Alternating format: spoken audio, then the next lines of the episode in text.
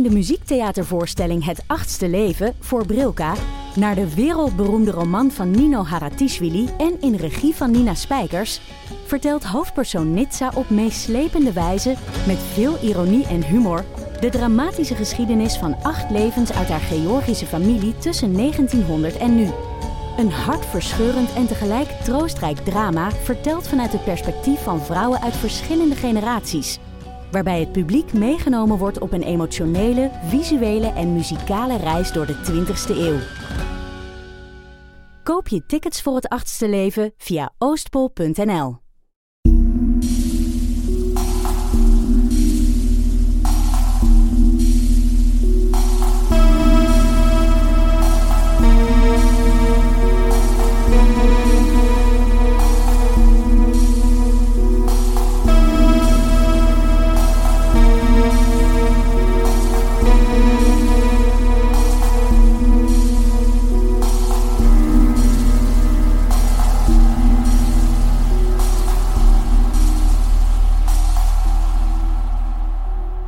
Welkom bij aflevering 124 van De Volksjury. Wij zijn Laura en Silke.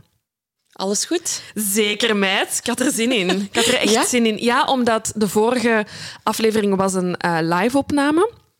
eh, waar ik ook extreem veel zin in had. Maar ik was er weer even uit.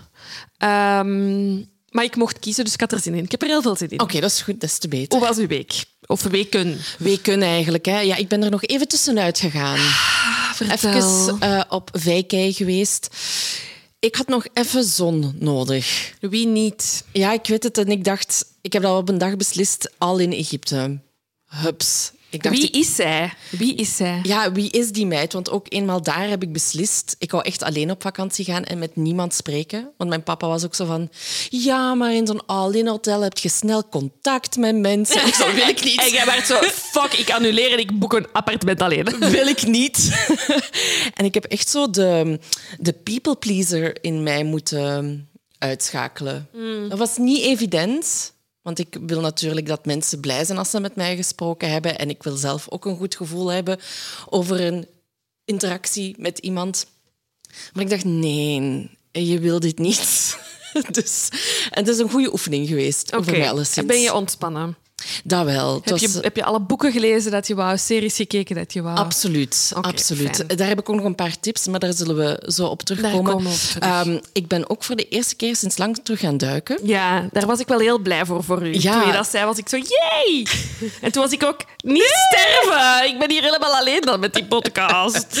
Ehm, snap ik. Ik heb die, ik heb die gedachte ook meerdere malen gehad. Ja, maar het echt zo, ik kan die meid niet alleen laten met die dat, podcast. gaat- dat gaat niet gebeuren. Dat kan ze niet. En dit was dan ook de laatste aflevering van de Volksjury. Eh, maar ik heb daar echt ook weer zo wat... Want de laatste keer dat ik was gaan duiken, had ik een paniekaanval gehad. Mm. Great. Eh, dat was in eh, Belgische wateren. Dus ik was zo wat... Ga ik het doen of niet? Ik ben hier alleen op vakantie, omdat ik dat gekozen had. Eh, maar ik dacht, ja, ik ben hier in Egypte, de Rode Zee. Het is nu of nooit. En ehm, het is allemaal heel goed meegevallen. Ik heb wel echt zo wat angst moeten onderdrukken, maar ik ben niet als een speer terug naar boven gezwommen, wat ook super gevaarlijk is om te doen. Ehm, dus dat was heel tof. Wat heb je gezien?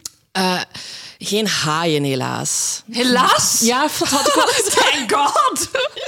had ik wel eens cool van. Nee, allemaal heel... eh, ik weet niet wat voor vissen het waren, maar het was super kleurrijk. Het was heel, heel cool om te zien allemaal. En ik had dan ook ja, een, een, een begeleider die mij in het water ging. En... eh, ja, ik heb u dit al verteld, maar ik ga, ik ga het in zijn algemeenheid zeggen. Die, ehm, die gaf op een gegeven moment een schelp aan mij die we op de bodem hadden aangetroffen. en ik dacht, ja, sure, oké, ik pak die mee. Mooie schelp. Een mooie schelp, mooie schelp. En ik kom terug thuis op mijn, op mijn kamer en het is nog maar een paar dagen eer dat ik terug moet vertrekken. En ik bedenk mij, die vrouw met haar steen in Turkije. ik denk, dit willen we niet ook meemaken. Dus ik dacht, ik ga dat gewoon eens opzoeken. Magda, stenen, eh, schel- schelpen meepakken uit de Rode Zee. Ik zoek dat op. Eerste resultaat, dat is verboden. dus ik zo, oh, dat meent jij niet. Dus ik heb, ja, ik heb die gewoon op een kastje in, eh, in mijn hotelkamer laten liggen. Want Dat is niet waar, hè? Die heeft die ingeslikt en uitge... Ja. kakt terug Ja, thuis. mijn geheim. Dat was iets voor tussen ons. Ehm, dus nee, blij dat ik die daar toch heb achtergelaten. Want ja, het is sowieso wel scary om ehm, alleen te reizen. Om either way door een bagagecontrole te moeten gaan. Super eng vind ik dat altijd. Ook al heb ik niks bij. Ik heb nooit iets bij. Maar Elke is- keer als ik daar sta en je hebt sowieso hetzelfde gevoel, dan denk ik... Dit is mijn handbagage, ik heb deze zelf ingepakt, maar hier gaan toch twee Kalashnikovs in zitten. Al- ja, elke keer. elke keer. En op de, eh, op de heenweg... eh, ik ook super zenuwachtig in Zaventem eh, aan die bagagecontrole. En ik vraag aan, aan de vrouw die, die voor mij staat van... Ik, ik heb een vraag. En echt twee seconden later zegt ze... Ja, ik ben wel echt fan van jullie. en ik dacht, oh, dat vind ik nu wel fijn. Want nu zijn echt, ik heb dan zo even mee gebabbeld en mijn zenuwen waren echt weg. Ik dacht, En die Kalashnikovs worden goedgekeurd, geen probleem. Inderdaad, als die, er, als die er dan toch in terecht zouden zijn gekomen, dan kan ik mij hier wel uitlullen. Dus geen probleem. Dus ik ben wel... ehm, het was echt wel een goede vakantie geweest. Weekske zon, eh, echt prima voor mij. Dus dat waren zo wel, was mijn, mijn week, als het ware. Heel leuk. Hoe was uw week nog? Eh, ja, ik moest hier het schip alleen... Buiten angst hebben voor mijn leven, natuurlijk. Angst voor uw leven, angst dat eh, onze zaak failliet zou gaan op de kleine vier dagen dat je weg was. Ehm, en verder zijn we met nog een paar geheime dingen bezig geweest. Ehm, wat mij naadloos eh, brengt bij... Enerzijds wil ik een kleine throwback doen naar besef dat wij met Pommelien tijdens een Oh aflevering hebben opgenomen. Besef dat wij Taylor Swift gewijs die lyrics in onze aflevering hebben gestoken. Waanzinnig. Waanzin. Waanzin was... En ook super amazing dat iedereen daarop is gesprongen gewoon. En ik heb TikToks zien passeren met mensen die echt alles aan het ontcijferen waren. En, zo. en sommigen die op de goede weg zaten, anderen die niet op de goede weg zaten.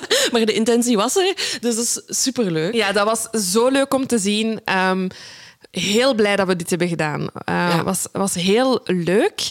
Ehm, dan wil ik het hebben over eh, kerstmis. Oei.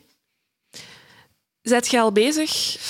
Eh, we hebben Met nu de voorbereidingen. secret Santa is opgesteld. We hebben ook nu eh, bepaald waar en wanneer we moeten gaan eten. Want mijn broer heeft sinds kort eh, een vriendin. Allee, al- al- bijna een jaar toch al.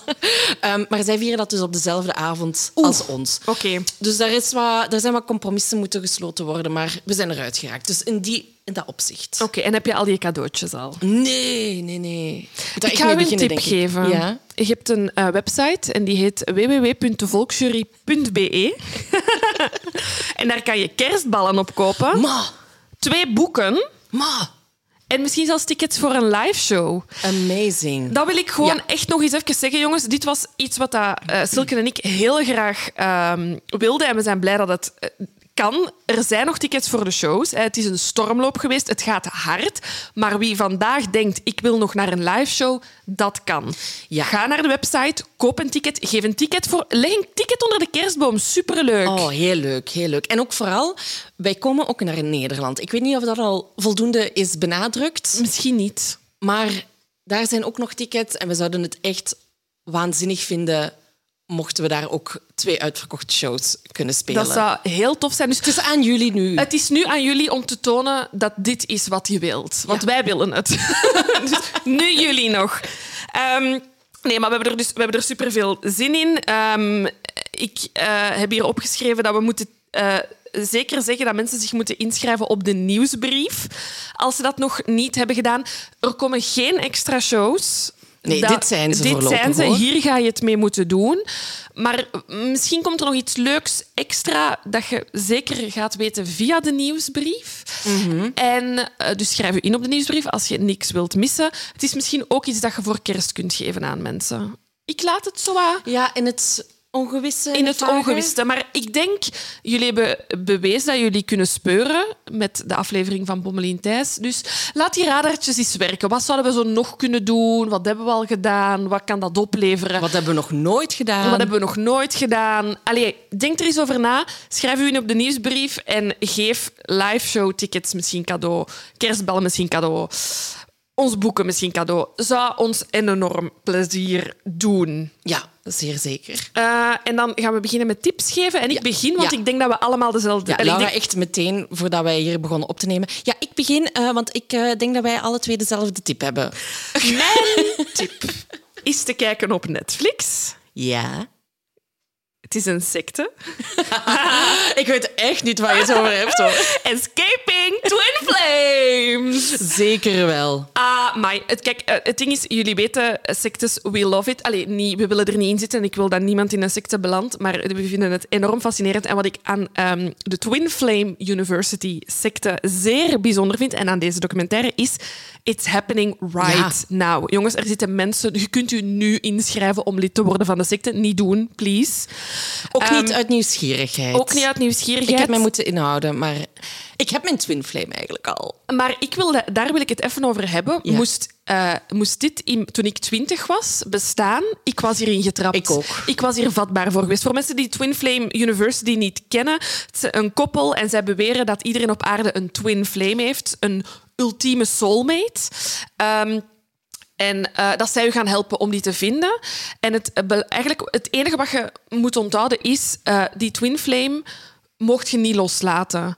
No matter what. Dat kan echt goed zijn dat Niels de Stadsbader uw twin flame is en dat jij moet blijven bellen aan die zijn voordeur, want jij moet hem duidelijk maken dat hij uw twin flame is. Ik was hierin getrapt als jonge vrouw. Ja, ja, ja. ja, Ik ja. was hierin getrapt.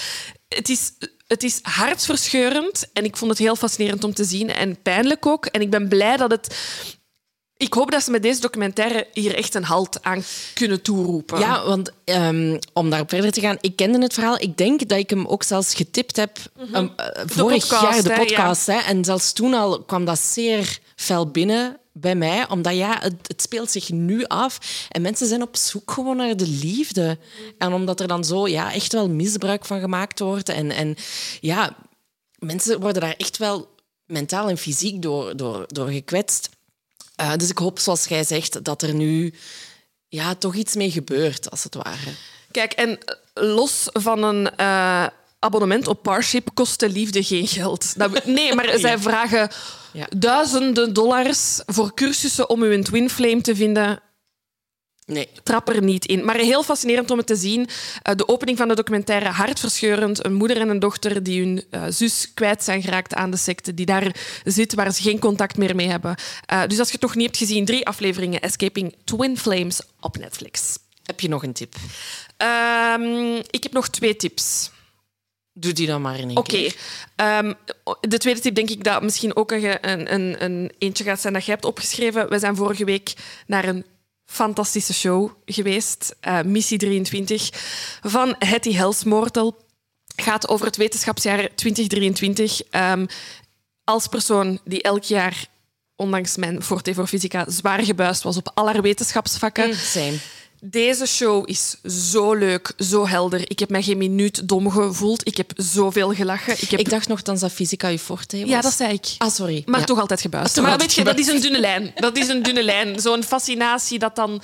Je gaat er te diep in. En, allee, ja, kijk... ehm, mijn leerkracht fysica zal hier zeer veel uitleg over kunnen geven aan de hand van mijn resultaten op mijn rapport. Maar ik wil maar zeggen, ehm, ik heb geen grote aantrekkingskracht tot wetenschap en toch heb ik anderhalf uur aan de lippen van Hetty gehangen. Ik heb zoveel gelachen, zoveel bijgeleerd. Het was fantastisch. Ik ben op haar website gaan kijken. Er zijn nog tickets. Als je zoiets hebt van, yes, gewoon een ontspannende avond, iets bijleren. Je gaat leuke dingen kunnen vertellen aan het koffiemachine de volgende dag. Zeker, absoluut. Leuke fun facts. Leuke fun fact, missie 23 van Hetty. Ga heen, jongens. Oké. Maar mag ik blijven gaan? oh my god, het is, het is like Christmas. Ehm, en dan de derde tip is, ja, hoe kan het anders? Ehm, het zou op een bingo-kaart moeten. Als wij iets maken, dan dan maak ik, maak ik er altijd een tip van. Deze keer betrek ik u erbij, want we waren de gast bij eh, de podcast Paul is Dead. Het gaat over muziek, legendes. Ehm, en wij hebben ons licht laten schijnen op een zeer, zeer grappige conspiracy theory, vind ik zelf. Ja, ja. Namelijk dat Lady Gaga misschien wel een seriemoordenaar zou zijn. was een heel fijn gesprek. Ehm, absurd dat mensen ons bellen om expert te zijn. Eh, ik ben zeer blij dat ze het op een hele vrolijke manier aanpakken. Ehm, maar was leuk en ik heb ondertussen de andere afleveringen geluisterd. Goed gelachen. Het duurt een kwartiertje, heel ontspannend. Ehm, te vinden op Spotify. En hoe heet de podcast? Paul is dead. Paul is dead. Oké. Dat waren ze. Dan zal ik aan mijn tips eh, beginnen. Ja, Twin Flames is dus al getipt. Ehm, ik eh, wil het ook hebben over de erfenis van Audiocollectief. Wil je niks spoilen? Want ik ben zo die persoon die spaart tot alles online staat. Ah, maar het zijn aparte verhalen, hè? ja, maar dan nog. Dan ik nog. moet dat in één week van en naar het werk kunnen Oké, luisteren. ik, eh, er staan nu, eh, op het moment dat we opnemen, twee afleveringen eh, online. En oh, het, pakt u wel ja, weer maar gewoon. alles wat die maken is zo goed. Ik, Ja. ik, ik weet niet of dat we al genoeg fangirled hebben op Schik, Schik, Schik, maar meisjes, we love you. Jullie doen zo'n goede dingen. Het is, het is echt heel mooi hè, om even de, de, te zeggen waar het over gaat. Hè. De podcast heet De Erfenis, ehm, maar ze bekijken dat heel breed. Van hoe, wat laat iemand achter als die sterft? In welke mate is dat zo de ripple effect? Van hoe, zowel financieel, maar ook eh, mentaal, eh, emotioneel. Wat voor effecten kan iemand hebben wanneer dat die nog sterft? Heel mooi gedaan, dus ga zeker luisteren. Ehm, dan heb ik tijdens mijn vakantie Wil gelezen. Ah, Van- die heeft ze van mij gekregen. ja, inderdaad. Van Jeroen eh, Olieslagers, naar aanleiding van de film natuurlijk. En eh, ik heb de film nog niet gezien, maar ik dacht wil eerst het boek eh, gelezen hebben. En ja, het is, het is heel goed geschreven. Pijnlijk actueel. Oh, ook ja. Waar je staat in een oorlog. Ja. Heel actueel. Absoluut. Dus ga dat boek ook zeker lezen. Eh, en wij hebben het er ook al uitgebreid over gehad, maar ik heb tijdens mijn vakantie De Verraders gebinged. Gebinged. Mocht je het nog niet gezien hebben en vibe, nog hè? niet te veel spoilers gezien hebben, of zelfs wel al weten hoe dat het in elkaar steekt, de manier waarop het spel gespeeld, eh, het spel gespeeld wordt, is ook zeer fascinerend. En het zijn ook allemaal BV's die ruzie beginnen te maken. In de core is dat het, is dat de tv. Hè? Ik bedoel, Ja, ja. het is BV's die ruzie maken en I love it. I love Ja, it. I'm here for it. En ook, ik betrapte mij er continu op dat ik aan het rooten was voor de verraders. You evil bitch. Ja, maar echt waar. Ik dacht heel... Ja, zit er nog in. Maar ook gewoon heel leuk omdat Bart... En ik bedoel, dit is een Bart van de club, als jullie dat nog niet wisten. Het feit dat hij verrader was, was pure genialiteit. Ja, ja, ja. Eh, dus eh, mocht je het nog niet gezien hebben, eh, ga zeker kijken. Er staan twee seizoenen van online. En ik kijk heel erg uit naar seizoen drie. Voilà. Oké, spannend. Ehm, dat waren ze. tips. Alright, dan zullen we overgaan naar sponsors, want die hebben we ook deze week. We hebben een nieuwe sponsor, we hebben eigenlijk twee nieuwe sponsors, maar de eerste nieuwe sponsor mag ik doen en ik ben hier iets te excited weer over. Ehm, het is Butternut Box en ehm, wij kan, we gaan het zelf niet kunnen testen. We gaan daar hulp voor moeten inschakelen. Ik ga de hulp inschakelen van de hond van mijn ouders. Dat is eigenlijk ook mijn hond, James. En de hond van mijn broer, Cyrilla. Want wat is Butternut Box? Het, is, eh, het zijn hondenmaaltijden. En zij geloven dat honden beter verdienen. En daarom maken zij vers hondenvoer. Dat zijn maaltijden 60% vers vlees. Ze gebruiken geen restvlees. Groenten, soms een beetje fruit. Allemaal hoogkwalitatieve ingrediënten. Langzaam gegaard op 90 graden, direct ingevroren. Al die voedingsstoffen die zijn bewaard. Die complete maaltijden die komen in die box bij je thuis toe. Die zijn aangepast aan de behoeftes van je hond. Op hun website kan je een uh, enquête invullen van heb ik een seniorhond, heeft hij gewrichtspijn? Daar houden ze allemaal rekening mee. Je kunt ook uh, dat je een puppy hebt, dat hij alle voedingsstoffen binnenkrijgt. En dan het allermakkelijkste, Jij hebt katten, jij weet dat. Dat is sleuren met grote hoeveelheden. Dat is gedaan, want die uh, maaltijden worden gewoon bij je thuis bezorgd. Alles zit in de vriezer. Wat je nodig hebt, dat haal je eruit. Ze zeggen... Het is vers voer van zo'n goede kwaliteit dat je het zelf ook kan eten. Dat hebben ze getest. Vind ik een goede vibe. Uh, ze garanderen kwispelen. Vind ik leuk. Ben je enthousiast geworden van wat ik hier allemaal vertel? Dan kan je naar butternutbox.com gaan en je krijgt 50% korting op je eerste twee boxen. Uh, we gaan de link ervan met onze kortingscode in onze show notes zetten. Cyrilla en James testen deze week en ik kom hierop terug in de volgende aflevering. Ja, ben benieuwd, ben benieuwd. Um, dan hebben we nog een uh, sponsor en dat is Upway. Mm -hmm. En uh, ik ben hier wel heel blij mee, want het is een... Dat is eentje voor u. Het is eentje voor mij. Het is een duurzame, het is milieuvriendelijk en daar zijn wij sowieso wel fan van. Um, Upway, ik zal misschien even gewoon eerst zeggen wat dat het is. Hè. Uh, dat is een bedrijf en die verkopen refurbished e-bikes.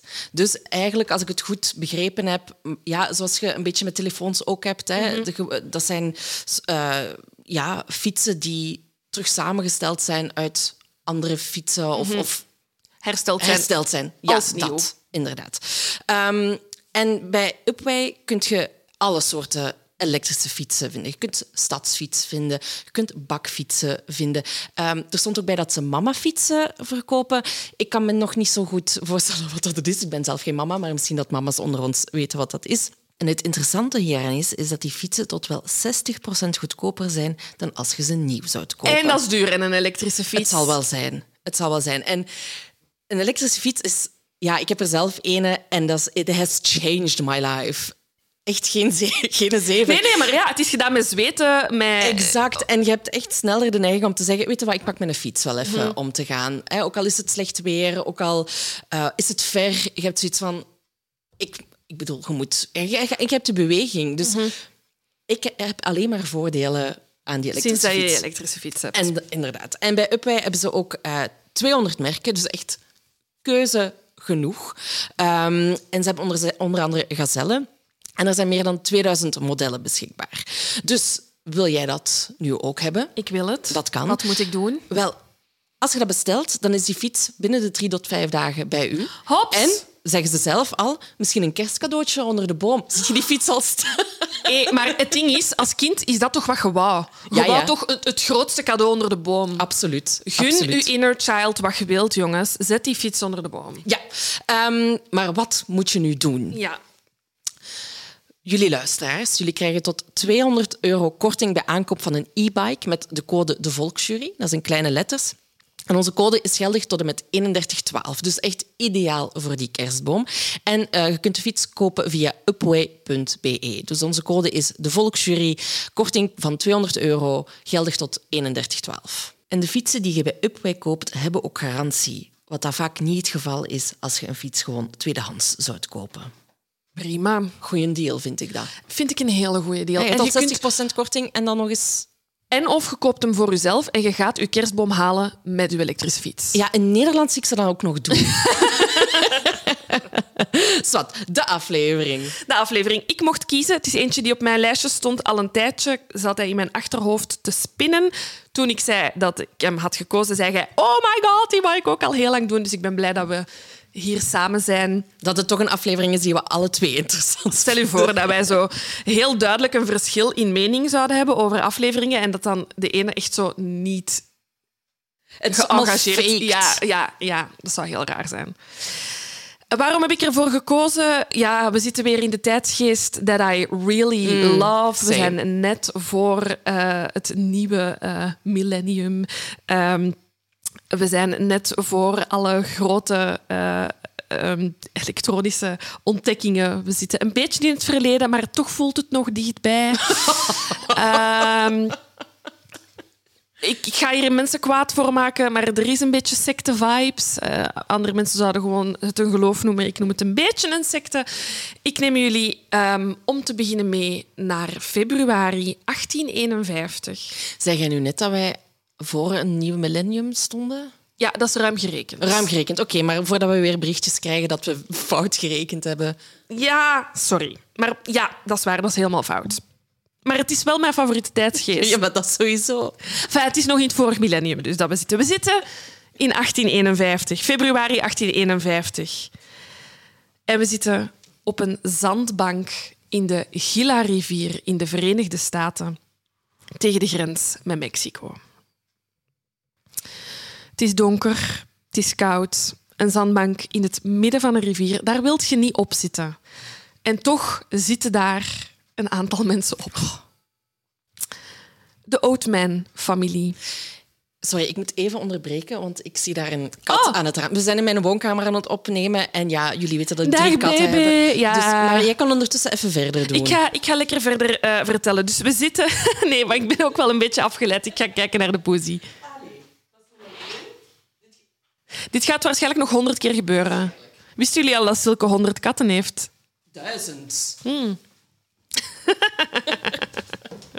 Goed, Yes. dus we zitten op een zandbank in de Gila-rivier in Amerika. En er zit een familie, zeven kinderen en ouders, Royce en Mary Ann, op de zandbank. In het midden van de nacht. Ze hebben kou en ze hebben honger. Wat doen ze daar, Silke? Ze waren op weg, of ze zijn nog altijd op weg, naar Californië. Ze zijn vertrokken veel, veel hoger gelegen in het noorden van Amerika, in Missouri. En ze zijn per karavaan met een hele grote groep mensen vertrokken richting Californië. Waarom? Daar komen we straks op terug. Maar zij zitten daar nu enkel met hun negenen, binnenkort tien, want Mary Ann is in verwachting van uh, een achtste kind. Ze zitten alleen op die zandbank. En ze hebben eigenlijk niet zoveel meer over van alle dingen met wat ze zijn vertrokken in Missouri. Ze zijn daar vertrokken met een kar, met ossen, met paarden, met heel veel eten, maar daar blijft heel erg weinig van over. Ze zijn wanhopig. Hun paard is gestorven. Het vee dat ze nog hebben is zo zwak dat het de kinderen dat ze daar dagelijks opzetten om mee voort te wandelen, dat vee kan die kinderen niet meer dragen. Dus de kinderen moeten lange uh, stukken lopen van de route. Ze hebben hun kar moeten achterlaten in New Mexico omdat die koeien zo uitgemergeld zijn dat ze ze niet meer kunnen trekken. De familie heeft geen geld meer. Ze hebben niks om te verhandelen. Hun eten is bijna op. En ze zijn nog 100 mijl verwijderd van Fort Yuma. Dat is de plek waar ze naar op weg zijn. ligt op de grens met Californië. Het beloofde land voor hen, of de beloofde staat voor hen. Maar nu zitten ze daar vooral op die zandbank. Ja, ik, ik je hebt mijl gezegd, maar ik denk dat het 100 kilometer ah, echt? was. Omdat we al, ik, ja, ik heb alles... Je hebt alles omgerekend? Omgerekend. Prima. Voor de zekerheid. Dat is veel beter dan mijn mijl. nee, nee. Helemaal, helemaal juist. Bos, wat. Ik zal even um, over de Oudmans zelf Wie vertellen. zit er op die zandbank? Wel, we hebben dus uh, pater familias Royce Oatman, zijn vrouw Marianne en hun zeven kinderen. De 17-jarige Lucy, de 15-jarige Lorenzo, de 14-jarige Olive, de 11-jarige Royce Jr., de 7-jarige Marianne en de, de 5-jarige Charity en goede naam, en de 3-jarige Roland. Charity Ann is pijlsnel bovenaan mijn lijst van namen het gekomen. Wel zijn. Het zal wel zijn. Nu, um, die, de Oudmans waren eigenlijk mormonen die zich hadden aangesloten bij een karavaan die dus op weg was naar wat Laura daarnet heeft uitgelegd. Omdat ze daar zich wilden vestigen in het zogenaamde land van Bashan. Ja. En zij waren eigenlijk van mening dat het een soort van mormoons paradijs zou zijn. En ze waren binnen de Mormonen heb je ook verschillende takken, als het ware. En zij waren de, behoorden tot de Brewsterites, een soort van splintersecte die in 1837 was ontstaan nadat de elfjarige James Colin Brewster had beweerd goddelijke openbaringen te hebben gehad, um, die volgens de oprichter van de Mormoonse kerk, Joseph Smith, niet bestonden. Wat opvallend is, want Joseph Smith heeft het... Uh, het en we, zeggen, ik, we gaan blijven mormonen zeggen, maar officieel uh, is het de kerk van Jezus Christus van de Heilige der Laatste Dagen. Die is opgericht door Joseph Smith toen hij openbaringen kreeg van God. Ja. Dus hij had ze zelf gehad. Uh, maar hij had, tijdens die openbaringen had hij zoiets van... Uh, hij had aan God gevraagd welk geloof nu het juiste was. Want je had in Amerika een grote versplinter, versplint, versplint, van verschillende uh, takken van het geloof. En God had tegen Jozef Smith gezegd: jij, jij moet een nieuw geloof starten. Dus hij start die Mormonse religie. En dus dan komt er een knaap van elf jaar die zegt: Nee, ik heb. Ik heb um, Stel u voor, imagine. Heb, imagine, ik heb openbaring gehad. Weet je waarom dat Joseph Smith niet zo happig was op die openbaringen? Heel grappig vind ik dit. Dus um, die uh, James Brewster die zei van kijk. Um, tegen mij heeft Jezus gezegd um, dat uh, we niet. Uh, uh, monogaam. We, we, moeten monogaam zijn en niet. Ja. niet polygamie is niet the way to go.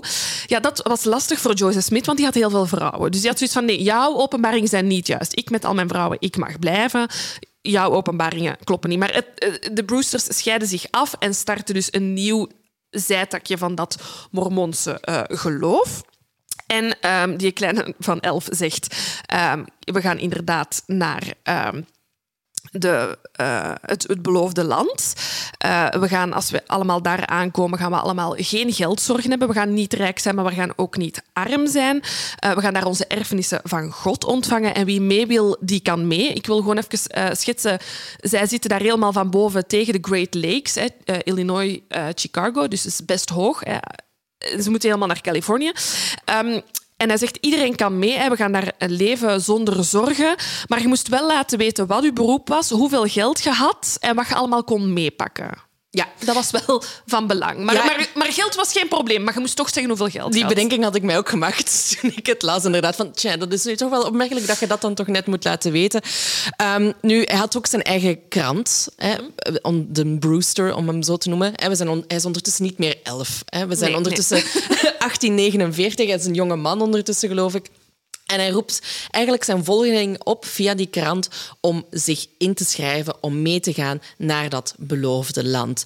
En ehm, naast dat ze moesten opsommen wat dat ze allemaal hadden, had Brewster ook nog bepaalde instructies gegeven over wat iedereen mee moest nemen. Ik moet zeggen, ik apprecieer dat. Als je zo'n groepsreis doet of je gaat met vrienden op weekend... Dat is wel handig, hè? Iemand dat een lijstje maakt, dat, is, dat wordt geapprecieerd. Ik had dat ook graag gehad toen ik naar Egypte ging, maar bon, ik moest Niemand maakt die lijstje. Zal ik even kort zeggen wat er op het lijstje stond van de Brewster? Eh, je moest dus met een wagen komen, niet een auto, maar dus echt gewoon ja, een kar. Dat werd Zo'n getrokken. wagon, ja, een wagon, wagon? Nee, dat is ook van een trein. Een karretje.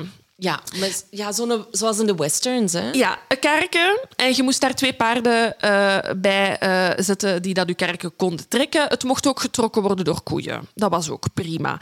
Eh, je moest eten meepakken voor minstens zes maanden, liefst voor een jaar. Dat belooft, hè, want ehm, officieel zou het toch drie tot vier maanden duren. Maar het feit dat ze zeggen dat je eten voor een jaar moet meepakken, ik zou mij al bekocht voelen, persoonlijk.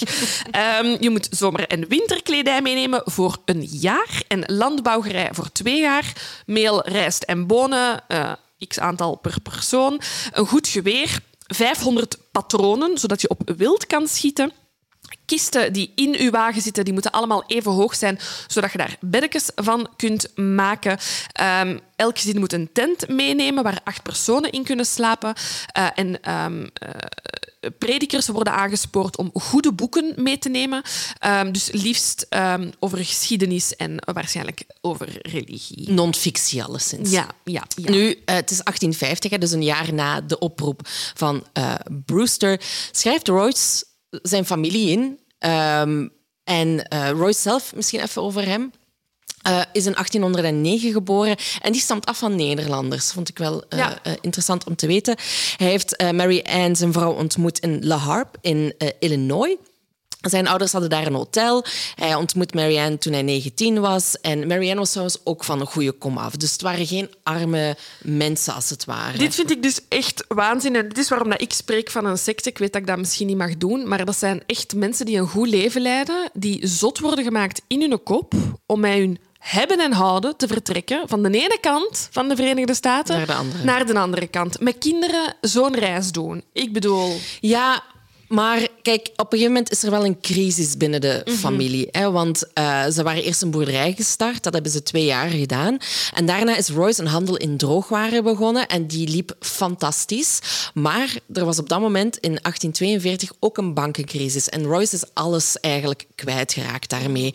Ehm, en dan zijn ze naar Fulton verhuisd en daar opnieuw een boerderij gestart. Maar ik vermoed dat het daar... Dat ze er niet meer zo goed bij zaten op dat moment. Nee, dat ze eigenlijk op zoek zijn naar iets beters. Dus die hebben zich ingeschreven. We zijn ondertussen eind 1850. Ehm, ze hebben zich maanden voorbereid. Ze hebben gecorrespondeerd met de andere expeditieleden. Royce verkoopt zijn boerderij, zijn bezittingen eh, voor eh, 1500 dollar. En dat is allemaal geregeld. En op 6 mei 1850 ehm, Ja, ja. ja, maar dan heb ik me net vergist van jaartal. Maar bon, we zijn nu 6 mei 1850, in ieder geval. En de Oudmens gaan op pad. Ze nemen allereerst de ferry over de Mississippi, waar dat ze dan nog twee families oppikken. En eind juni komen ze dan aan in Independence, goede naam voor een stad, Missouri, ehm, waar ze zich verder zouden voorbereiden op die expeditie. Ja, want daar... Oh, sorry. Nee, doe maar. Daar komen ze erachter dat ze. Er zijn meerdere families die bijeen zijn gekomen. En ze komen erachter dat ze niet genoeg hebben. Niet genoeg eten, niet genoeg proviant. Ehm, en ze zitten daar in Independence en ze gaan van daaruit vertrekken. dus die, de kleine middenstand in Independence, Independence heeft zoiets van... Geen probleem, je kunt bij ons ook dingen aankopen. En he- al die families worden zwaar in het zak gezet. Dus die moeten veel extra betalen voor voorraden in te slaan. Maar ja, ze hebben geen keuze.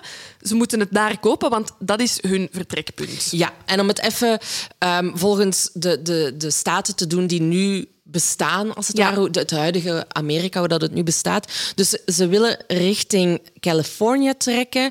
Ze vertrekken vanuit de staat Missouri. Dan zouden ze door Kansas gaan helemaal en dan nog door Arizona om dan tussen de grens met Arizona en Californië aan te komen.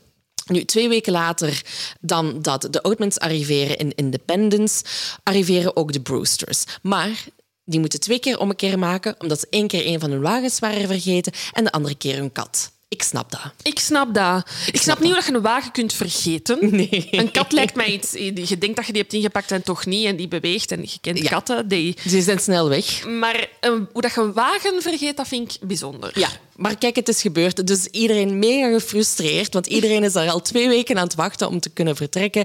En ook, ehm, we zijn nu laat in het seizoen, als het ware, om van die trektochten te maken. Om zo'n reis door het hele land aan te vangen. De meeste groepen die zoiets begonnen, die vertrokken in mei of in juni, om er eigenlijk zeker van te zijn dat er voldoende gras was, zodat hun vee eh, genoeg eten had. Want die karren werden voortgetrokken door ossen en paarden en weet ik veel wat allemaal. En ook natuurlijk om slecht weer in de herfst te vermijden. Ja, Maar bon, daar was het dus al te laat voor. Ehm, uiteindelijk hebben ze een zekere Jackson Goodall gekozen, die eh, de leider werd, als het ware, van de, van de karavaan. En ehm, in totaal bestond de groep tussen 85 en 90 mensen, waardoor, waarbij ook heel veel gezinnen waren. Maar ook ehm, vrijgezellen uiteraard, die hun geluk ergens anders wilden gaan pro- beproeven. Nu, die eerste weken, weken liepen vrij vlot. Ehm, ze schatten inderdaad van, kijk, die tocht gaat een viertal maanden duren. Vrouwen deden de was en de plas, mannen gingen op jacht, kinderen speelden spelletjes. Dus de vibe zat goed. Het is wel zo idyllisch als je er zo over nadenkt. Hè. Zo, oh, we gaan met een grote groep, allemaal Op met avontuur. Ja, allemaal met uw eigen caravanneke. Allee, ik noem het nu een caravanneke, maar eh, met hun eigen karken. Al die kinderen gaan met elkaar bevriend zijn en het is mooi weer, want het is augustus. Maar het wordt al snel oktober, november. Ja, en ook na, na een goede 160 kilometer beginnen toch zo de eerste eh ruzietjes de kop op te steken. Hè? Ja. Ehm, want Brewster kreeg op dat moment ook opeens een nieuw visioen. Ik moet zeggen... ehm, nee, ik ga het zeggen zoals het is. Het is een opportunist. Want zijn visioen is... ehm, Zeker. Zeer interessant. Hè? Dus we weten dat ze op weg zijn richting Californië. Daar is het beloofde land. Maar na, inderdaad, na 160 kilometer, iedereen is moe. Ze beginnen ruzie te maken. Krijgt hij ineens een nieuw visioen en zegt hij... Jongens, ik heb mij vergist. Wij moeten niet naar Californië. Stel je voor. Wij moeten niet naar Californië. Maar geen nood. We moeten ook niet naar Alaska. We moeten niet naar de andere kant. We moeten gewoon naar Socorro in New Mexico. Hè? Dat is iets van een 750 kilometer dichterbij dan Californië. Ik heb net uit mijn hoofd omgerekend. Is dit juist? Gaat dat kloppen? Nee. Nee, dit gaat niet kloppen. 600 mijl is volgens mij 750 kilometer. Ik heb het niet opgeschreven. Ah ja, oké. Voilà. Maar in ieder geval, een groot stuk van hun tocht wordt ineens ingeko- ingekort met zijn nieuw visioen. Ja, ehm, dus hij stelt voor van kom, we gaan daar naartoe. Maar sommigen in die groep die weigeren, waaronder ook Royce. Eh, maar uiteindelijk beslissen van, kijk, we gaan toch bij elkaar blijven. Zo kunnen we ons beschermen tegen de inheemse bevolking, want die wonen daar natuurlijk ook. Ehm, en ja, Royce die wil wel gewoon naar het westen nog uiteindelijk. Hè. Ehm, hij wou naar die oorspronkelijke locatie trekken. Ehm, en uiteindelijk wordt wel beslist dat ze een splitsing maken. Ja. Dus Royce gaat westwaarts met 50 anderen richting Arizona en Californië. En Brewster trok naar het zuiden richting Santa Fe. Ehm, Brewster laten we nu voor wat het is. Ja, of wil je nog iets zeggen nee, over ik hem? heb daar eigenlijk niks meer over te zeggen. Oké. Dat buiten van een opportunist.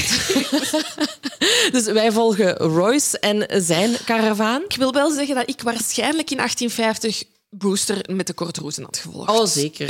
Ik had zo gedacht, Laat maar. Minder ver? Ja, dat doe ik. Ja. Dat, is, dat is het mijn beloofde land. Nu, ehm, Royce besloot om over een pad te trekken dat door de bergen ging, ruig terrein. En eh, dat zorgde ervoor dat ze maar heel traag vooruitgang boekten. En ondertussen waren we ook al november. Dus dat is fucking koud daar eh, op dat moment. Nu, uiteindelijk, na veel vijven en zessen, arriveert de groep van Royce ehm, in februari in Maricopa Wells. En de, de groep wil daar eigenlijk een week even bekomen voordat ze van daaruit verder zouden trekken.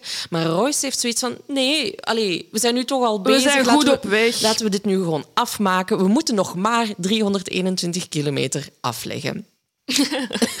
ik wil ook even zeggen dat Royce nooit zo specifiek had geweten dat dat 321 kilometer Inderdaad. Maar ehm, de groep weet het niet zo, want net ehm, voordat, de, voordat Royce eigenlijk vertrekt, worden ze ervan gewaarschuwd dat er ja, een inheemse bevolking aanwezig is, de Apaches, als ik het goed zeg, die ja, van die karavaantochten aangevallen hebben en beroofd hebben. Dus ze zijn zo wat op hun hoede en ze hebben zoiets van oké, maar laten we even wachten totdat de situatie een beetje gekalmeerd is, want het voelt daar echt als een warzone aan op dat moment. En ook vooral, ja, samen zijt je sterk. Hè. Als je met een grote groep bent en je, je botst op, een, op, een, uh, op zo'n groep, uh, Apache, dan kun je misschien in groep wel nog beschermen. Ja, maar, maar Royce heeft dus van, kijk, maar hier waar dat we nu zitten in Maricopa Wells is ook niet voldoende eten.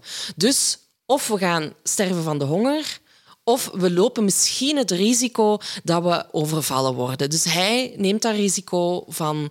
Uh, ja, toch te vertrekken. Ja. En hij laat de groep achter. Dus het is alleen hij en zijn gezin ja. die nu op pad gaan. Ik wil daar gewoon nog aan toevoegen. Um, ze komen iemand tegen die eigenlijk de doorslag geeft uh, voor Royce. Er is een entomoloog, John LeConte, en die komt uit Californië. Dat beloofde land naar waar ze op weg zijn. Mm -hmm. uh, die, komt, uh, naar die, die komt van die nederzetting. Dus in de andere richting. En die zegt, ah, maar we moeten geen zorgen maken. Ik ben niemand tegengekomen. Dus echt, de route, is, de route is op dit moment veilig. Ga maar, vertrek maar. Dus na de aanmoediging van John Leconte zegt Royce tegen zijn gezin: Welly weg. Welly gaan door. Um, we doen het gewoon onder ons genegende. En dat brengt ons eigenlijk bij het begin van, bij het, het, begin verhaal. van het verhaal. Hè? Want al snel um, is het gezin onderweg uh, en beseffen ze inderdaad door met zo'n klein groepje te trekken, met heel weinig proviant, vee dat uitgeput is, dat het nog trager gaat dan voorheen. Hè. Uh, achteraf zijn er getuigen over dat heel vermoeiend is. Het weer is koud. Ze komen sneeuw tegen voor de eerste keer. Uh, dus dat gezin is uitgeput en belanden zo in het midden van de nacht. Allee, ze belanden s'avonds. Ze moeten eigenlijk die Gila-rivier over. En halverwege die rivier komen ze aan die zandbank en beseffen ze... Tegen we halen tegen de avond de overkant niet. We gaan op deze zandbank voor deze nacht moeten overnachten. Ja, um, en Royce ziet het ook echt niet meer zitten. Hè. Hij, hij huilt blijkbaar ook heel veel, blijkt, blijkt uit getuigenverklaringen. Hij is zo wanhopig dat hij eigenlijk ook nog een brief wil versturen waarin hij smeekt om een reddingsactie. Uh, maar de hulp blijft uit. En ze zijn op een vierde dag zelf dat ze op pad zijn onderweg. En ja, een groep, in, in, een groep inheemse mannen benadert hen en zij vragen om tabak en eten. En Olive, de dochter, de 14-jarige dochter, die telt op dat moment 19 mannen, vreemde mannen. En Marois heeft zoiets van, kijk, maakt u geen zorgen, uh, ze gaan u niks doen komt goed. We gaan gewoon die tabak delen ja. en we zien wel. Ja. En dus eh, ze gaan in conversatie. Hè. Ze spreken niet dezelfde taal, maar het is duidelijk wat dat ze willen. Um, Royce deelt met hen een beetje uh, tabak. Um, hij steekt een pijp aan. Ze roken die samen op. En ja, kijk, ze beweerden dat ze in vrede waren gekomen. Hè. Het waren uh, de Java Pai, mm -hmm. uh, Native Americans. En uh, die vragen dan ook naast tabak om eten. Maar Royce heeft zoiets van, kijk, mannen, wij hebben zelf niks op dit moment. Uh, mijn familie gaat verhongeren als ik jullie nog mijn laatste restjes geef. Maar toch blijven die mannen aandringen om eten. Maar oké, Royce zwicht en zegt van, kijk, hier is brood. Maar die mannen willen meer en meer en meer. En Royce weigert telkens, waarop dat ze op een gegeven moment ja, opzij stappen. Die mannen gaan overleggen, ze spreken in hun eigen taal. Ze kunnen niet zo goed... Allee, Royce en zijn familie weten helemaal niet wat het over gaat. niet wat er aan, aan het gebeuren nee. is. En um, kijk, um, Royce heeft wel zoiets van... Oké, okay, maar toon, toon gewoon geen angst. En als je geen angst toont, dan gaat het wel goed komen. Wees gewoon vriendelijk, um, alles komt goed. Ze gaan ons niet aanvallen. Uh, Mary Ann, ondertussen zijn die mannen ook die wa wagens aan het doorzoeken en zo. Mary Ann klimt in de wagen, neemt de driejarige Roland bij zich. Lucy en Olive staan aan de kant met de andere drie jonge kinderen van het gezin. En uh, Mary Ann zat dan ook nog op een nabije rots en hield eigenlijk zo het vee wat in de gaten. Hè? Want ze hadden zoiets van, oké, okay, maar laten we gewoon proberen verder te gaan op mm -hmm, dit moment. Ja. Um, maar voordat ze het goed en wel beseffen sloegen de Yavapai de meeste familieleden dood Ja, ik van denk- Royce Oatman. Ik denk dat die, die beginnen die wagens te doorzoeken. Die zien dat daar toch nog proviant in zit. En die, ja, die worden kwaad en die hebben zoiets van... Wij moeten dit eh, meenemen. En dus in, een, in enkele minuten wordt het eigenlijk één groot slachtveld.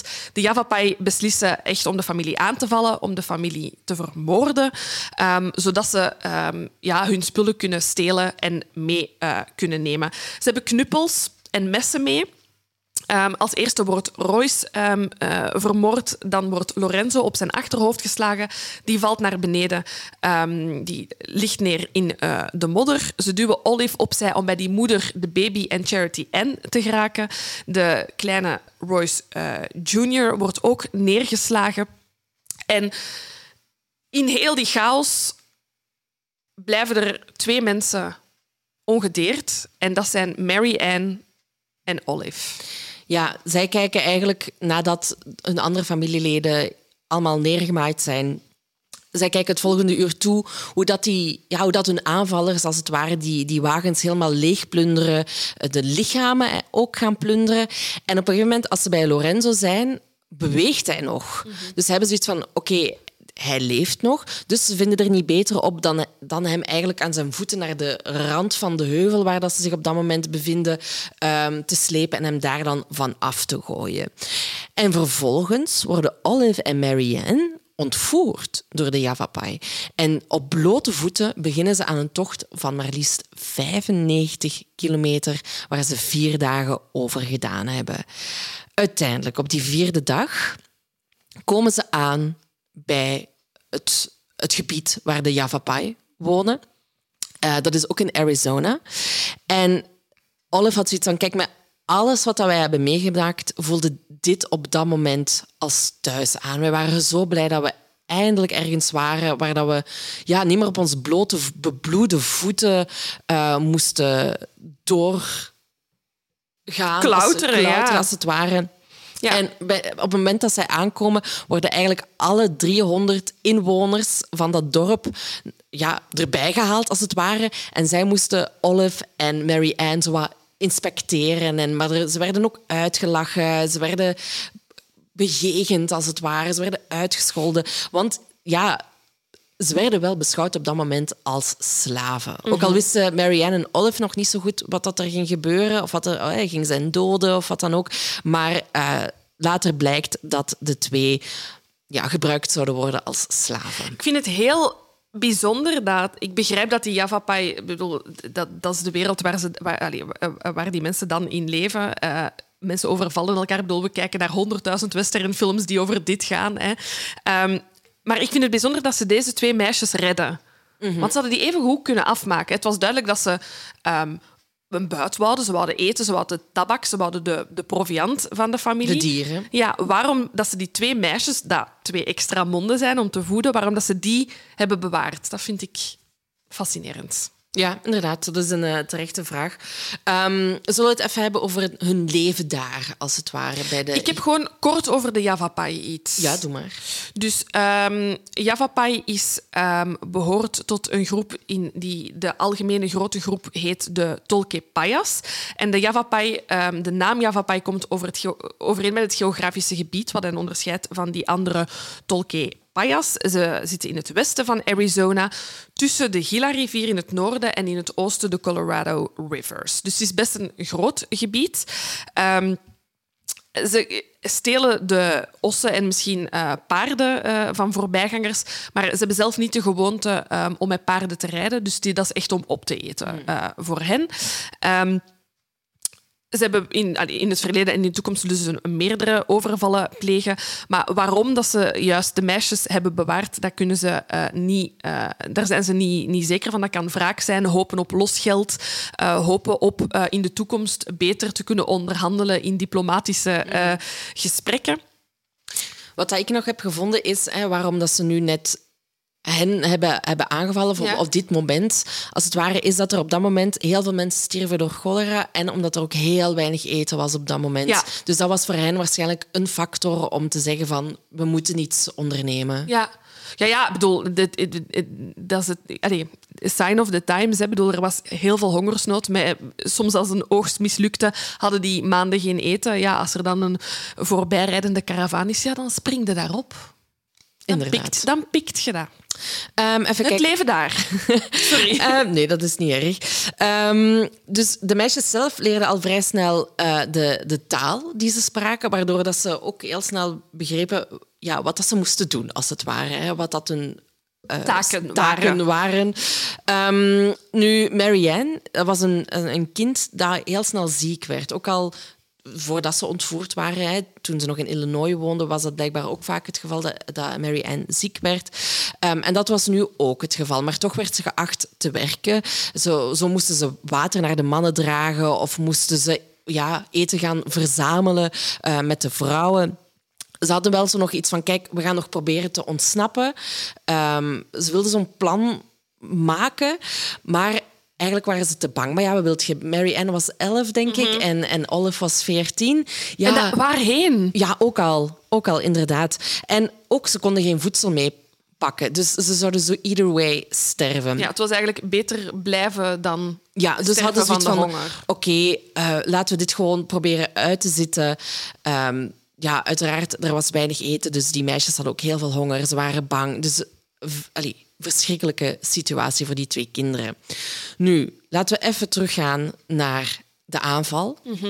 waar we dachten Ja. dat iedereen om het leven is gekomen. Hè? Dat is ook wat Olive en Marianne denken. Hè? Zij zijn meegenomen ehm, en zij denken wij zijn de enige twee overlevers van de familie. Ja, maar na die aanval wordt Lorenzo, die van de heuvel geduwd was, plots wakker.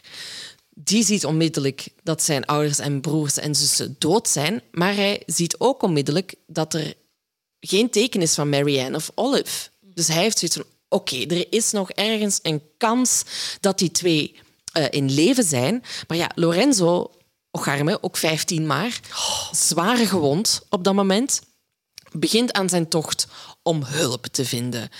Na veel vijven en zessen opnieuw, dagenlang, uiteindelijk bereikt hij een nederzetting waar hij wordt behandeld aan zijn verwondingen. Lorenzo sluit, zich dan weer aan bij een, bij een emigrantentrein, zoals dat wordt genoemd. En uiteindelijk drie dagen later, nadat hij zich daarbij heeft aangesloten, komt hij weer op die plek aan waar dat zijn familie vermoord is. Hij wilde, hij wilde daar ook graag terug naartoe om zijn familie te vinden, om hen te kunnen begraven, wat ook al niet evident was, want die zijn uiteindelijk niet in de grond begraven, maar ze hebben stenen op hen moeten leggen, Ja, omdat, omdat- het gewoon niet ging om in die grond Rotsachtig gebied Ja. gewoon. Hè? Inderdaad. Ehm, even kijken. Dus die, die, die jongen is 15, is zwaar... Ik bedoel, die, zijn schedel was er voor de helft af. En toch slaagt hij erin om... Dat is een survivor story. Dat is een survivor story. Maar ook om dan weer terug te gaan, zo snel al. Ik zou echt nog gechilled hebben in dat ziekenhuis. Jij zou zo... Nee, ik heb echt nog hoofdpijn. het gaat nog niet. Het gaat niet. Het gaat nee, maar niet. ik snap wel dat je die oerkracht hebt van alles Ja. is je ontnomen. En ik denk dat je ook nog wel eens terug wilt. Inderdaad, allez, want dit is waar we naartoe gaan. Lorenzo heeft het idee dat zijn zussen nog leven. Om daar misschien een clue te vinden of een aanwijzing te vinden. Misschien dat hè, de mensen met wie dat hij met die migrantentrein... ehm, dat daar misschien mensen weten over welke ehm, inheemse eh, bevolking het gaat. Dat, allez, dat hij een clue heeft van wat dat er met zijn zussen zou gebeurd Ja. kunnen zijn. Dus Lorenzo eigenlijk is vastbesloten om zijn zusjes eh, terug te vinden. Nu, ondertussen, we zijn weer een paar maanden verder, spreken die meisjes echt supervloeiend die taal van de Javapai. Ze konden met meer nuance communiceren en dat merkte de Javapai ook op en die werden wat milder Ja. naar de twee meisjes toe. Ehm, ze waren ook voornamelijk heel erg nieuwsgierig naar Marianne en Olive, want die twee meisjes hadden natuurlijk ook hun eigen religie. De Javapai hadden hun eigen religie, de meisjes waren mormoons. En dat vonden ze ook heel fascinerend. En dus ze hadden daar ook wel gesprekken over. En ze waren eigenlijk ook heel erg verbaasd over hoe ver dat die, die meisjes gereisd hadden. dus daar waren ze wel van onder de indruk. Dat Ja, dan het was wel. toch een kleine kruisbestuiving Ja, daar. inderdaad. En ze, en ze raken ingeburgerd, als het ware, in een soort van routine. Ze gehoorzaamden de vrouwen en kinderen overdag. En dan eh, ze glipten ze af en toe een keer weg om te gaan bidden. En ehm, s s'avonds moesten ze natuurlijk naar de mannen luisteren... die hun verhalen moesten vertellen bij het kampvuur. Maar ik zou nu heel veel centjes geven voor een plekje aan dat kampvuur. Ja, ik ben ook wel benieuwd. Ik zou gewoon even luisteren naar die verhalen. Lijkt me Ja? heel ja, fascinerend. absoluut. Maar niet iedere avond. Nee, gewoon een, eenmalig. Eenmalig ticketje, alsjeblieft, voor jullie kampvuur. Nu, in de herfst van 1851 komt er een andere groep aan bij, eh, bij, bij de Yavapai. En dat zijn de Mo Mojave. De Mojaves. De ik. Mojaves. Ja. Ja. ehm, Heel leuk vind ik dit. Het is een jaarlijkse traditie. Dus die verschillende groepen die leven, ehm, ik zou zeggen, niet vreedzaam naast elkaar. Die leven naast elkaar, die hebben weet van elkaar. Die maken zeker en vast boel. Ehm, maar die wisselen ook, die hebben elk hun eh, talenten en kenmerken. Zoals ik heb daarnet verteld, van ehm, de Javapai weten we dat ze geen paarden gebruikten, eh, dat ze... ehm, eh, de koeien opaten, dat ze daar niet echt mee bezig waren. Eh, en dat de Mojaves die deden iets totaal anders. En dus ehm, eh, de Mojaves kwamen eigenlijk met verschillende groenten en die wouden daar ruilen tegen de pelzen van de geslachte dieren. Dus het was een soort van jaarmarktje. Dus elk jaar was er zo'n jaarlijks momentje van een ruil. Van wat hebben de gellen, wat hebben wij? Zullen we even een wisselingsje doen? Enfin, dat was nog niet met bitcoins. Dat was gewoon een klein wisselwerkingetje. En dus Ja. die Mojaves die staan daar in de herfst van 1851 en die komen bij de Javapai die ze kennen, hè, want ze gaan daar elk jaar. En die merken twee figuren op dat ze precies vorig jaar niet hadden gezien. En die zijn zo, wie zijn die witte meisjes? ja, ze zijn heel erg geïntrigeerd, zodanig zelfs dat ze ook hen bij de ruil willen betrekken. Eh, maar de Yavapai hebben zoiets van: "Tut, tut, tut, tut, tut. dit zijn onze meisjes. Wij hebben deze speciale vrouwtjes gevonden, wij gaan ze houden. Ja, maar de dochter van de chief van de Mojaves, Topeka, die was, die was echt wel van nee, maar ik, dit gaat gebeuren. Deze ruil gaat absoluut gebeuren. Het was een vrouw met een wil en ze moest Ja. en zou die twee meisjes meenemen. En uiteindelijk worden de meisjes geruild voor eh, twee paarden, een paar groenten, dekens en ehm, eh, kralen, als ik het goed heb. Ja, juwelen, denk ik. Ja, inderdaad. Nu, eh, dus de meisjes hebben ondertussen een jaar, een jaar bij de Yavapai gezeten, verhuizen naar waar de Mojaves wonen. En ook die tocht duurt lang. duurt lang. Zeker elf dagen zijn zij onderweg geweest. En ehm, wanneer ze aankomen in het dorp van de Mojaves, komen ze terecht bij de chief van de Mojaves. En zijn, ehm, ja, ik ben alleen zijn niet-Mojave-naam tegengekomen, is Espagnole. En ehm, wat blijkt, deze groep was rijker wel dan de Yavapai. Dus dat hadden de meisjes onmiddellijk door, van hier is meer eten, er is meer welvaart. En ehm, zowel Espagnole, zijn vrouw Espan Aispaneo en dus dochter Topeka zijn meteen zoiets van oké, girls, we got this, wij gaan voor jullie zorgen. Jullie in onze familie. Eh, fun fact, het Mojave-dorp waar ze aankomen bevindt zich in het huidige California. Dus zonder dat Olive en Mary Ann het weten, zijn ze in hun beloofde land aangekomen. Absoluut. Nu, opnieuw worden al die dorpsgenoten, zoals bij de Yavapai, uitgenodigd om de meisjes te verwelkomen. Maar waar dat bij de Yavapai nog eerder ja, al was om de, de meisjes uit te lachen en uit te joelen, worden ze hier echt wel onthaald als gasten. Ze worden echt met respect eh, behandeld bij die verwelkoming. Er wordt gezongen, gedanst. En Espanola zegt ook echt van iedereen gaat hier samenwerken om hen twee op te voeden. Ja. Het ding is, het is natuurlijk ook anders. Hè? Want de Javapai, ja, voor hen... Dat, is, dat is zeer onmenselijk wat ik nu ga zeggen, maar die twee waren gewoon prooi. Hè? Wa- waren onderdeel van, wij hebben een karavaan overvallen en die twee, we zijn prooi. Terwijl bij de Maha, ehm, Mojave. Mojave, ehm, ja, die zijn duur geruild, zeg maar. Twee paarden, dat is Ja, ja, van grote waarde. Dus zij worden echt ja, als een soort van curiositeit meegepakt en van zo, kijk eens wat dat we nu hebben kunnen ruilen. Alsof dat ze zouden terugkomen van, kijk hoe een mooi teken we hebben gevonden. Ja. Lijkt mij. Allee, ik denk dat je het zo wat als... Maar het is... ze zijn niet langer de slaven die dat ze waren bij de Yavapai. Nee, eh, hoe dat het ook zit bij de Mojave is, kijk, van die, die namen wel al eens gevangenen, maar die werden al als arbeiders ingezet of als een symbool van overwinning werden die beschouwd. Maar ze gebruikten niet de termen slaaf of gevangene, maar wel vreemdeling of, of, ehm, of vijand. Maar nooit in het teken van, jij bent nu van ons. Ja, bezit. Bezit, Ja. inderdaad. En um, heeft later verklaard dat hij had gehoopt dat de meisjes ervoor zouden zorgen, wat dat jij daar straks al aangaf, dat ze bij hun diplomatieke gesprekken, ja, want we weten allemaal hoe het is afgelopen met de inheemse bevolking Mhm. in eh, de Verenigde Staten, dat ze daarmee een, een betere onderhandelingspositie zouden, verkrijgen, zouden mee verkrijgen. Ja, d- d- ik bedoel, de kolonisten eh, ze waren daar om daar te blijven. Hè. Dus eh, dit versterkte hen natuurlijk in hun onderhandelingen met, eh, met de witte eh, nieuwe Amerikanen. Ja, nu, eh Ispaneo die heeft ook geregeld dat eh, Olive en Marianne een stuk land kregen om daar ja, hun eigen groenten te kweken en wat dan ook. En ehm, er wordt van uitgegaan dat Olive en Marianne uiteindelijk helemaal een integraal deel, Deel, uitmaakten ja. van die stam, omdat ze een Mojave-bijnaam kregen. Ja. En dat wordt alleen maar gegeven aan degenen die volledig zijn opgenomen in die stam. En Olive was vooral bekend als Ali of Aliutman. Een soort van eh, verbastering van, van haar eigen naam. En ehm, ze werd ook Olivino genoemd en Ouch. Ehm, maar het is ook... er, het had ook een schunnige bijnaam. Laat ik daar even wat context aan geven. Hier heb ik iets te hard mee Ja, het zal wel zijn. Ehm, dus de Mojaves loved it, schunnige bijnamen. En eh, ja, die verwezen vaak eh, naar geslachtsorganen. Zo was er cock with a blue head, good fucker. En er was ook een vrouw die de bijnaam kreeg houtskooltestikel omdat ze blijkbaar zoveel van seks hield dat ze de testikels van mannen verbrandde. nu, Olive krijgt ook zo'n schunnige bijnaam, Spanza. En het betekende verrotte vagina. Of pijnlijke vagina. Ja. Ehm, dus er zijn verschillende theorieën over waarom dat dit haar naam was. Eh, zo vermoeden ze dat ze misschien ongesteld was toen ze aankwam, dat ze vodden aan had, die, die vol bloedingen uiteraard. Ehm, of het kan zijn dat ze als onhygiënisch werd beschouwd in vergelijking met de Mojaves, omdat de Mojaves gingen zich elke dag wassen in de Colorado-rivier.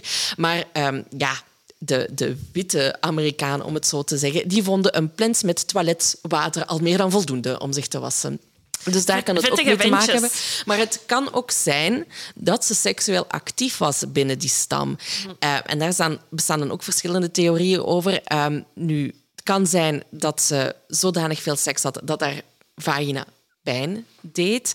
Ehm, ja, dat is een van de theorieën. Of dat ze natuurlijk ook, quote-unquote, een verrotte vagina had. Ja, ze zijn er inderdaad niet zeker van. Maar het zou wel kunnen, want er is geen ehm, echt bewijs dat je als vrouw eh, getrouwd zou zijn binnen de eh, Mojave. Ehm, ze had de leeftijd ervoor. Hè. Ehm, het, het trouwen of het samengaan bij de Mojaves begon in eh, de vroege puberteit. Olive was 14, dan waarschijnlijk tussen de 15 en 16 jaar als ze daar aankwam. En Mojaves zijn seriële monogamisten zonder huwelijksceremonie. Is een mond vol. Heel interessant vind ik dit. absoluut. Trouwen is gelijk aan samenwonen. Verhuizen is gelijk aan scheiden. Moeilijker moet dat niet zijn. Heel simpel. Mensen ontmoeten elkaar op een feestje. Als je elkaar leuk vindt, ging ehm, de jongen bijvoorbeeld mee met het eh, meisje naar huis. Daar praten ze een paar nachten, hebben ze seks. 's ochtends werden ze dan als getrouwd beschouwd. Behalve als de ouders van het meisje er niet mee akkoord waren. Dus hè, imagine, Sabine die mag, eh, heeft daar een zegje over met wie ik thuis kom ehm, in mijn Mojave-huis. En wat zij dan zou doen, of wat mijn ouders dan zouden doen, zij zouden ehm, mijn, mijn, toek- mijn, mijn, mijn huidige echtgeno- echtgenoot het zo ongemakkelijk maken, die zo hard pesten, zodat hij wegloopt. Wat een, wat een verhuis betekent, Ja. wat dus een scheiding betekent. Kijk, het is, het is ook een manier. Ook een manier. Ehm, wat is nog een teken ehm, dat we weten dat eh, Olive en Mary Ann echt zijn opgenomen in de, eh, in de groep van de Mojave-stam? Dat is een tatoeage.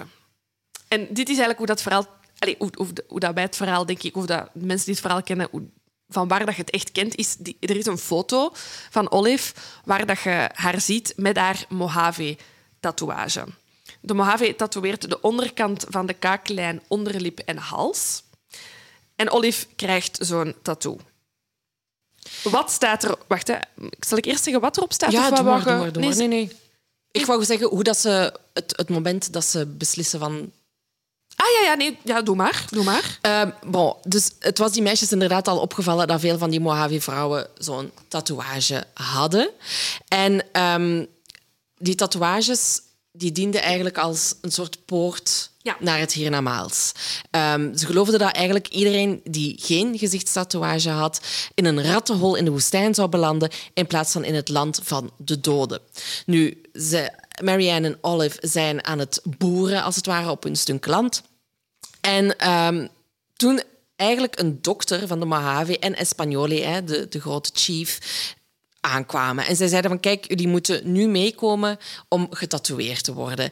En ehm, er werd hen gezegd van, kijk, jullie behoren nu bij die stam en jullie hebben nu een tatoeage nodig. En ze hebben dat ondergaan, zonder ehm, spartelingen of wat dan ook. Ze zeggen ook van, ja, alles is zo strak gezet dat ze niet bewogen... Allee, hè, als je iets niet wilt, of dan, dan zou je U terugtrekken. terugtrekken of wat dan ook. Maar was correct allemaal uitgevoerd. Ja, en ze zeggen ook dat ehm, de Mojave het zeker allee, wel zullen hebben opgelegd van je gaat nu die tatoeage krijgen, maar moesten die meisjes geweigerd hebben, dat ze daar ook mee akkoord zouden zijn gegaan. Ja. Want het is voor hun eigen goed. Het, is uw, het, di- het ding is, het maakt voor de stam in het huidige leven niet uit of jij nu een tattoo hebt of niet. Het is voor je eigen belang. Als jij het hiernamaals wilt bestaan en worden opgenomen en je, eh, uw ancestors wilt terugvinden, dan heb je die tatoeage nodig. Ja, want er zijn blijkbaar ook heel wat Mojaves geweest die eigenlijk pas toen ze op oudere leeftijd waren zo'n tatoeage hebben gezet. Dus het is niet dat je vanaf dat, het moment dat je een puber bent of Nee, er is de geen- tijd- er is geen tijdstip dat je, het- dat je die ja. tatoeage moet, moet laten zetten. Dus ze hadden nee kunnen zeggen. Maar bon, ze zijn ook natuurlijk heel jong. Ze moeten bevelen ergens ook opvolgen. Dus er, er kan heel veel voor gezegd worden, maar er wordt van uitgegaan dat het niet tegen hun wil Kijk, is ik denk, dat we, bedoel, ik denk dat dit een zeer mooi voorbeeld is van Stockholm-syndroom bij deze twee meisjes in deze, allee, met alles wat zij meemaken. Zij, zitten, zij willen enerzijds daar zijn, maar ze kennen ook niks anders en Mhm. het is hun beste optie. Het is heel dubbel. Ik, bedoel, ik denk dat psychiaters en psychologen hier vandaag heel hard op zouden gaan, heel Ja. goed op zouden gaan. Ehm, maar het feit dat de tatoeage zo mooi gezet is, en het is echt heel mooi, ik heb echt al zoveel naar die foto gekeken, ehm, wilt wel zeggen dat ze er op een of andere manier toch zouden moeten hebben mee ingestemd. Olive, haar tattoo. Zij heeft eh, vijf dikke verticale balken die beginnen eh, van aan haar kaaklijn tot aan haar onderlip en dan een paar horizontale kegels aan elke buitenkant van haar eh, wangen. En dan heeft ze ook nog een verticale band op haar bovenarmen en dat is een typische vrouwentatoeage bij de Mojaves. Van Mary Ann weten we niet wat voor gezichtstatoeages ze zijn. Daar is niks van Ja, en wat daar ook mee belangrijk is natuurlijk, is dat Olive nu visueel ook tot de Mojaves behoorde. Er was geen twijfel meer mogelijk vanwege die gezichtstatoeage. En ehm, het is ook opmerkelijk, van, want als ze nu terug zou gaan naar haar eigen cultuur, als het ware, zou ze ook altijd bekeken worden als iemand van de Mojave. Ik denk, dat het heel, ik denk dat het heel veel is, maar ik denk dat voor haar op dat moment zij vrede heeft met dit is nu mijn leven. Mijn familie is uitgemoord. Ik ben meegenomen naar de Javapai. Ik weet niet waar ik daar was. Ik weet al helemaal niet waar ik nu ben, geografisch. Ik kom niemand anders tegen. Dit is, dit is hier, hier ga ik sterven. Dit is mijn leven. Ja. Denk ik. En of ze daar blij mee was, dat gaan we nooit echt weten. Maar ik denk dat ze wel vrede had met dit is nu wie ik ben. situatie. Ja. Nu, ehm, het noodlot slaat toch opnieuw toe, want eh, rond 1855-56 sterft Mary Ann van de honger. Ja. De oogst van eh, 1855 was super slecht over eh, verschillende staten, of huidige staten eh, van Amerika. Binnen de stam ook was het heel moeilijk. Iedereen moest echt schrapen, eten werd verdeeld. Er zijn heel veel mensen in het dorp gestorven, dus het was zeker niet enkel eh, Mary Ann.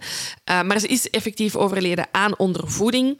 Dus Olive is op dat moment in haar hoofd de enige overlever binnen haar familie. Heel mooi vind ik wel dat, uh, ze, um, dat de Mojave echt um, hebben gerouwd om Mary Ann samen met Olive echt als een deel van een ceremonieel einde hebben uh, gemaakt. Uh, dat ze Olive hebben getroost. Um, dat ze Mary Ann op de juiste manier volgens de Mojave-tradities hebben begraven. Dus ze werd wel echt beschouwd als een ja, als een lid van, van, van de gemeenschap. En er is met haar, over haar afscheid genomen zoals het hoorde. Ja, nu voor Olive heeft het ook niet veel gescheeld. Hè? Maar het is dankzij Topeka, de dochter van de chief, um, die heeft haar eigenlijk in leven gehouden door haar toch genoeg voeding te geven, als het ware. Nu, datzelfde jaar ontvangt het Amerikaanse leger plots een tip dat er nog een witte jonge dame zou leven bij de Mojave.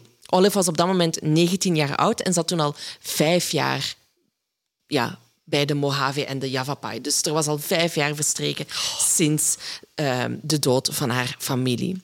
En er komt op een gegeven moment een bode aan. Een soort van, ja, een, een, ook een, een Native American uh, die Francesco heette.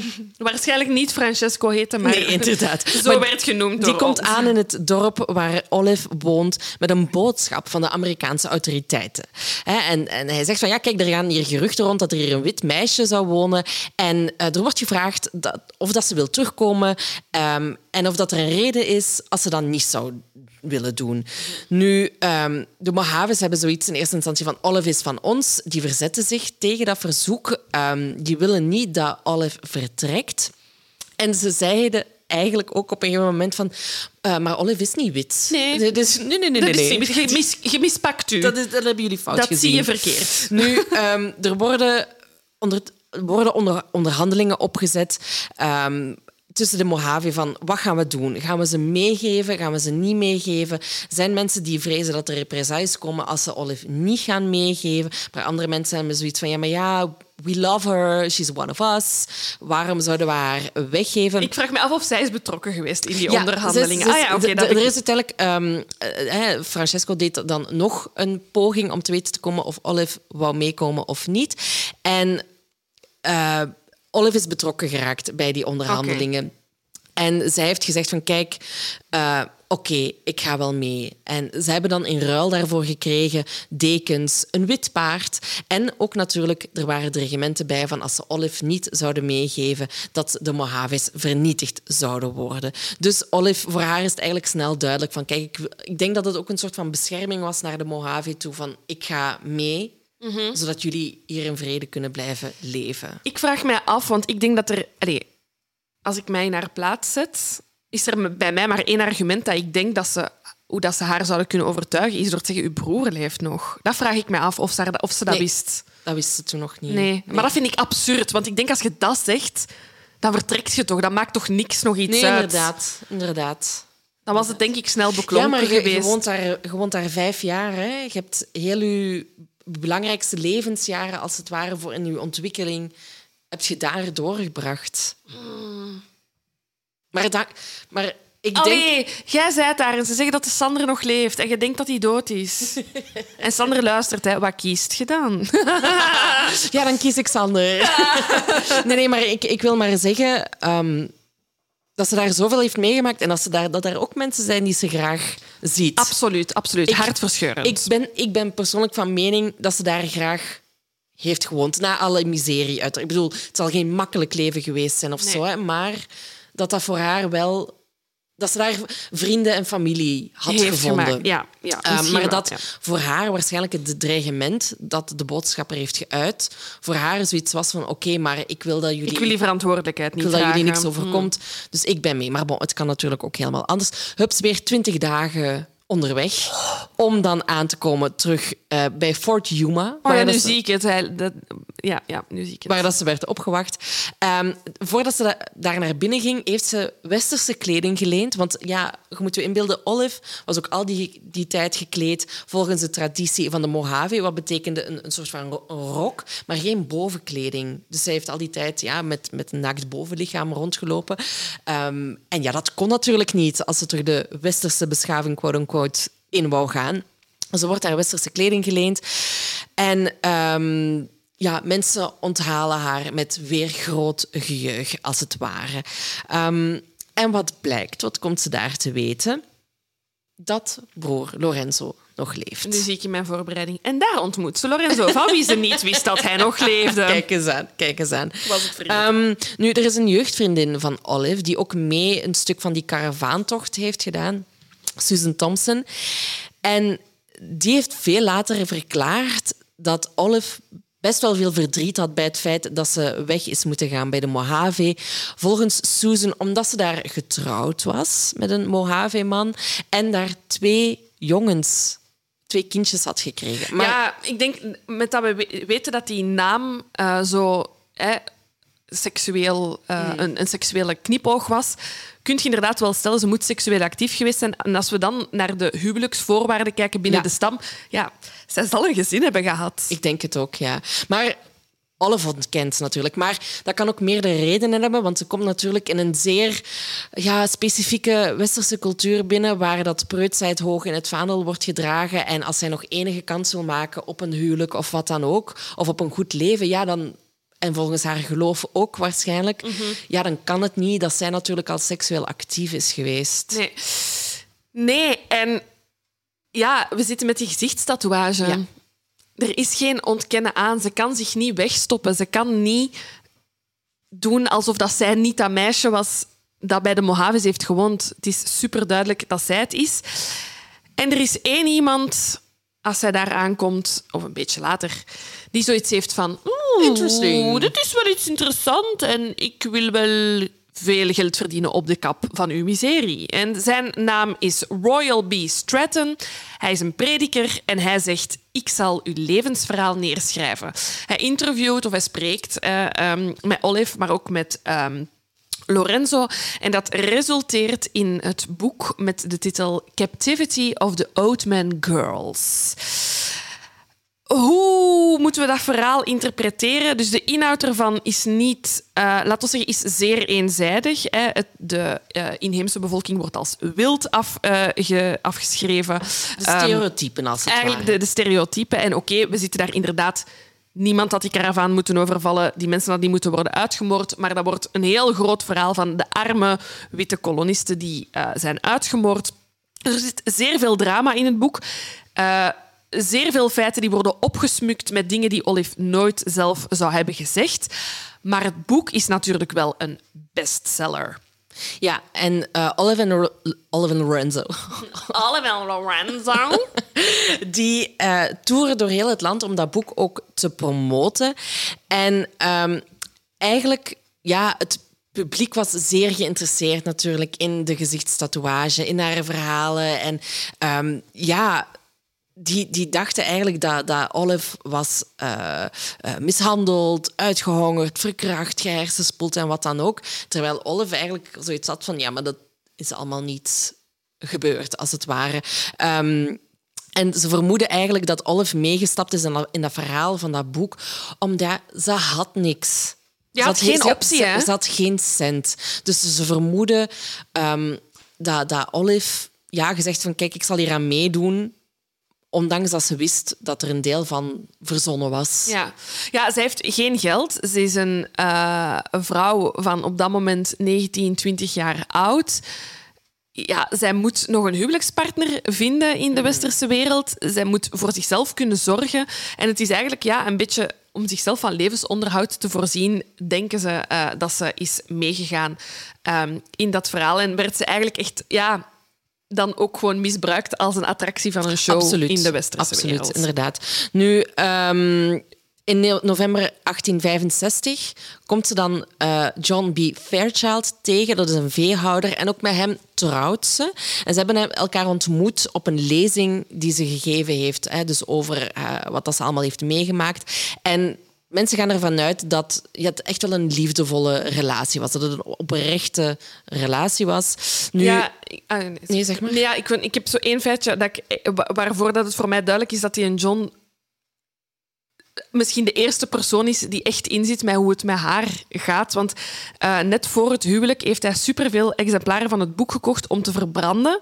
Ehm, ja, om te, te vermijden dat het zich verder verspreidt. En ik denk dat, allee, dat dat toont toch wel dat iemand niet geïnteresseerd is in uw verhaal, in dat geld, in de curiositeit dat er met uw leven gepaard gaat, Ja. maar dat hij wel zoiets heeft van ik hoop dat het met u beter gaat gaan. Ja, ja, ja. Hij wou echt graag dat ze haar privacy terugkreeg ook. Want er bestonden ook van die foto's van haar natuurlijk, met haar tatoeages, die ook verkocht werden. En ook die heeft hij opgekocht om dan te verbranden. Be uite- like John. Ja, echt waar. Uiteindelijk verhuizen ze naar Sherman, Texas. En ehm, John wordt daar een zakenman. Eh, hij begint daar de Citibank of Sherman. En ze gaan in een groot Victoriaans herenhuis wonen. Maar Olive die begint wel een sluier te dragen. Omdat hij het waarschijnlijk spuugzat was om continu aangestaard te worden vanwege haar, haar tatoeage. En ehm, ze gaat werken. Allee, ze, ze geraakt betrokken bij liefdadigheidswerk, laat ik het zo zeggen. En ze was vooral geïnteresseerd in het helpen van een lokaal weeshuis. Ze hebben nooit zelf kinderen gekregen, maar ze hebben uiteindelijk wel een klein meisje geadopteerd en hebben haar Mary Elizabeth naar hun moeders genoemd en eh gaven haar de bijnaam Mammy.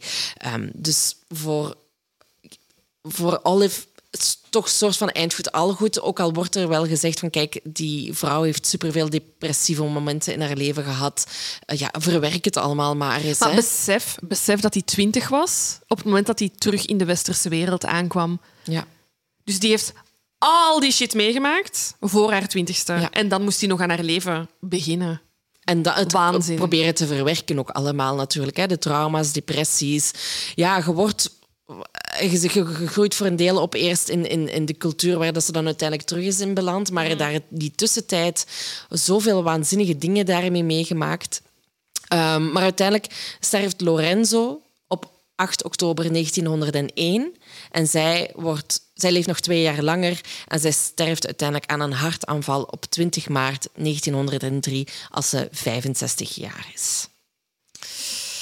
Ik heb nog één, één klein eh, dingetje. Dus eigenlijk, ehm, de, het, binnen de Verenigde Staten was haar verhaal eigenlijk zo goed als vergeten. Maar de Mojave Native Americans, die weten wel nog wie zij is. die, en die hebben haar verhaal eigenlijk van generatie op generatie doorverteld. En noemden haar, daar, eh, was het verhaal van de Cloud Woman. De wolkenvrouw.